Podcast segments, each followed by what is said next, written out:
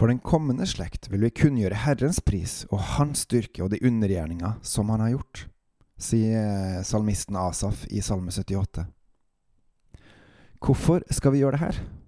Jo, fordi Gud straffer de som er ulydige mot Han, og han velsigner de som følger Han. Velkommen til Gud i sentrum av meg, Håkon Winnem.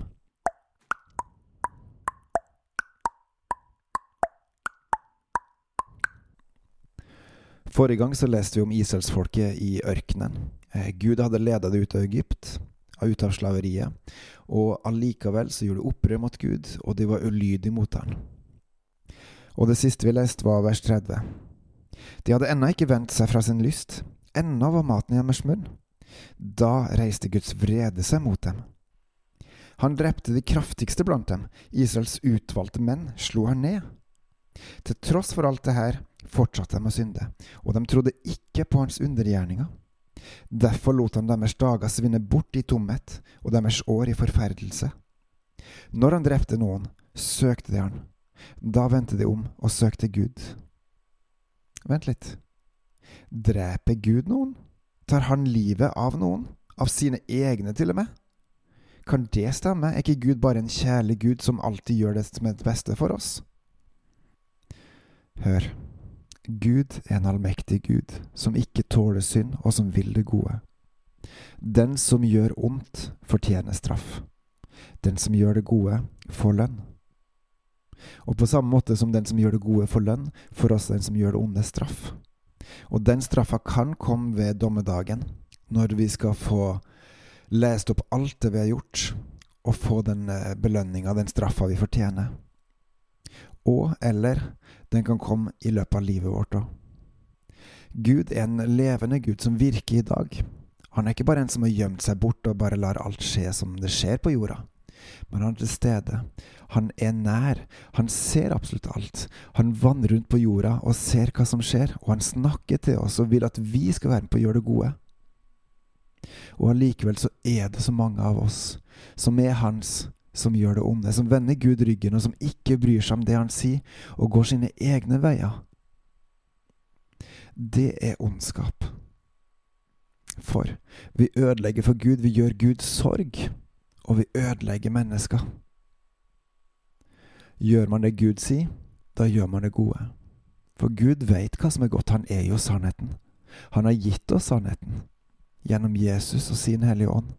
Og han har vist oss hva sannheten er i Bibelen. Men i Bibelen har han også vist oss hva det onde er. Og det onde er der for at vi skal skjønne hva som er ondt. At vi skal søke Gud, og at vi skal skjønne at vi må følge Han og la oss fylles av Hans ånd. For at vi skal være med på å gjøre det gode. Og nettopp derfor må vi gå til Han, følge Han, la oss fylle oss av Han, og vandre på Hans veier, for det er de gode veiene. Tenk bare på hva som skjedde med Israelsfolket hver gang de synda. Gud lot det komme en straff over dem. Vers 34. Når han drepte noen, søkte de han. Da vendte de om og søkte Gud. De kom i hu at Gud var deres klippe, og den høyeste Gud deres gjenløser.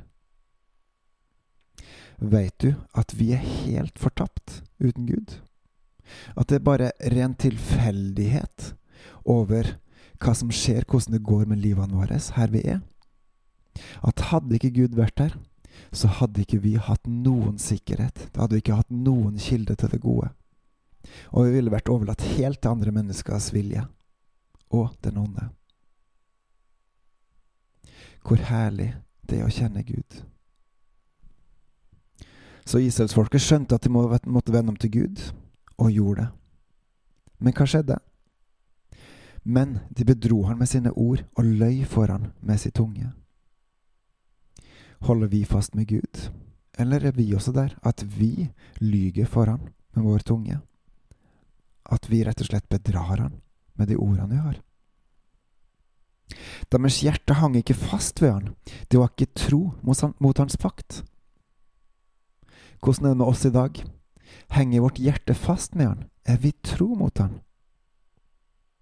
Følg mine ord, sier Gud.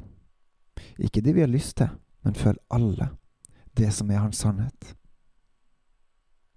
Men han er barmhjertig. Han tilgir misgjerning og ødelegger ikke. Mange ganger vendte han bort sin vrede og lot ikke all sin harme bryte fram. Gud hater det onde. Og han hater det så sterkt at han ikke klarer å stå det ut.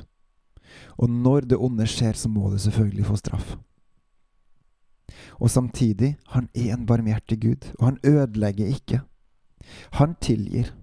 Han gir nye sjanser, også når vi ikke ber om tilgivelse, ikke omvender oss. Og til slutt så er det faktisk slik at vi må omvende oss for at vi skal få Hans barmhjertighet, Hans nåde.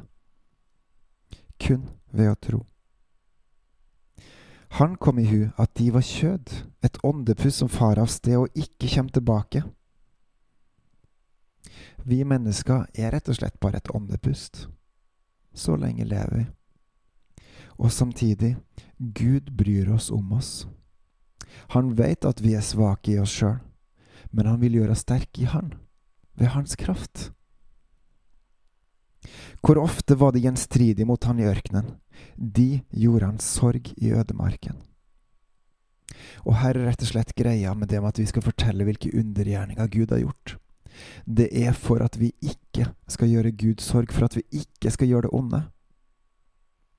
For det straffer Gud. Men han vil at vi skal følge Han. At vi skal kjenne Han. At vi skal være fylt av Han og være med på å gjøre det gode. Og være med på å føre mennesker til Han. Vår tro er ikke for oss sjøl. Vår tro er for at vi skal bli frelst. At vi skal bli redda. Så vi skal ikke holde troa vår for oss sjøl, men vi skal gå ut og forkynne det gode budskapet til søsken, til brødre og til andre folk som vil høre. En av mine favorittplasser i Gamle Testamentet er Jeremia 31. Der står det Se, dager kjem, sier Herren, da jeg vil opprette en ny pakt med Israels hus og med Judas hus. Den skal ikke være som den pakt jeg oppretta med deres fedre på den dagen jeg tok dem ved hånda og førte dem ut av landet Egypt, den pakt med meg som de brøt. Enda jeg var deres ektemann, sier Herren. Men dette er den pakt jeg vil opprette med Israels hus etter de dager, sier Herren. Jeg vil gi dem min lov i deres sinn, og skrive den i deres hjerte. Jeg vil være deres Gud, og de skal være mitt folk.